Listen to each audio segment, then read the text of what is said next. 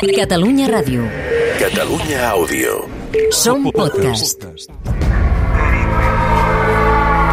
Пропоную Російській Федерації обміняти цю важку. Всі решта тіл, які ми зібрали В по каждом, місту, почти в каждом дворе есть захороненные м, Yes, I called it genocide because it's become clearer and clearer. La guerra al dia. Amb Toni Arbonès. Dimecres 8 de juny. em dic Marina, sóc refugiada de Mariupol. Com que tots som de Mariupol i vam sobreviure a situacions molt semblants, és fàcil d'entendre'ns entre tots nosaltres. Quan comencem a parlar, sempre diem d'entrada que som de Mariupol. Marina era psicòloga d'una escola a Mariupol fins que la invasió russa la va expulsar d'una revolada amb la família de la ciutat on havien viscut tota la vida. Jo treballava de psicòloga. La meva família i jo vam abandonar Mariupol el 15 de març. Vam passar per Zaporizhia Lígia. Ens hi vam quedar tres dies i vam arribar a Vinícia el 20 de març. A Vinícia va començar a fer de voluntària per atendre gent de Mariúpol, al centre muntat pel seu mateix ajuntament amb ajuda del de Vinícia. Alexander Haliavinsky és el cap de l'oficina fugitiu també de Mariúpol. El centre es diu Soc Mariúpol. Tots els que hi treballen són de Mariúpol i el més important és que aquí els de Mariúpol treballen pels de Mariúpol. És la gent que va sortir del dels territoris ocupats, que van sobreviure al bloqueig, que van sortir sota el foc. La filosofia d'aquest centre consisteix a ajudar a integrar-se a la vida normal. Интеграции наших мариупольцев к нормальной жизни. L'alcалde de Vinícia, Sergei Morgunov, acostuma a visitar l'oficina gairebé cada dia. Avui, quan arriba, saluda tothom des de la porta. наше завдання було допомогти. La nostra feina va consistir a ajudar els de Mariúpol.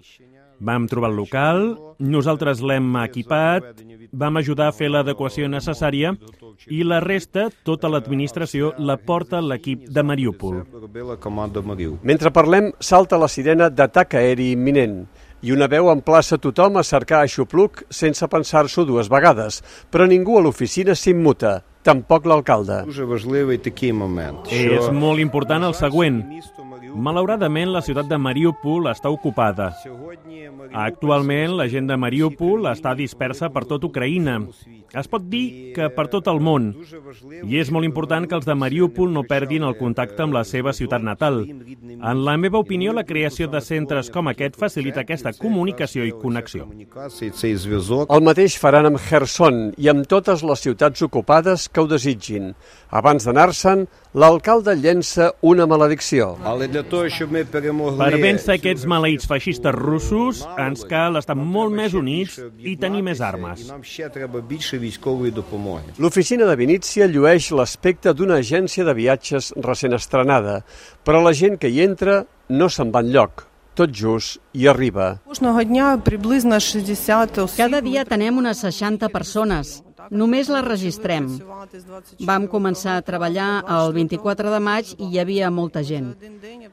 En un dia podíem atendre 200 i de vegades 230 persones en només 8 hores. Però no deixem de treballar acullen els habitants de la ciutat que ara segueixen el camí que va seguir ella mateixa, desorientats però estoics. No hi ha res de l'actitud o de l'aspecte de la gent que entra per la porta que delati ni la situació que travessen ni el seu patiment. Tampoc la tragèdia que deixen enrere. Alexander Haliavinsky, cap de l'oficina. A la ciutat realment la situació és molt complicada. Pràcticament els russos no deixen sortir a ningú. Són molt pocs els que ho aconsegueixen. La gent es queda al mig dels descampats. S'hi poden estar sense aigua ni menjar durant una setmana, esperant sortir cap al territori controlat per Ucraïna. Mariupol és avui dia un espectre del que va ser arrasada per les bombes russes. Les persones que han tingut la sort de poder-se'n escapar arriben a Vinícia,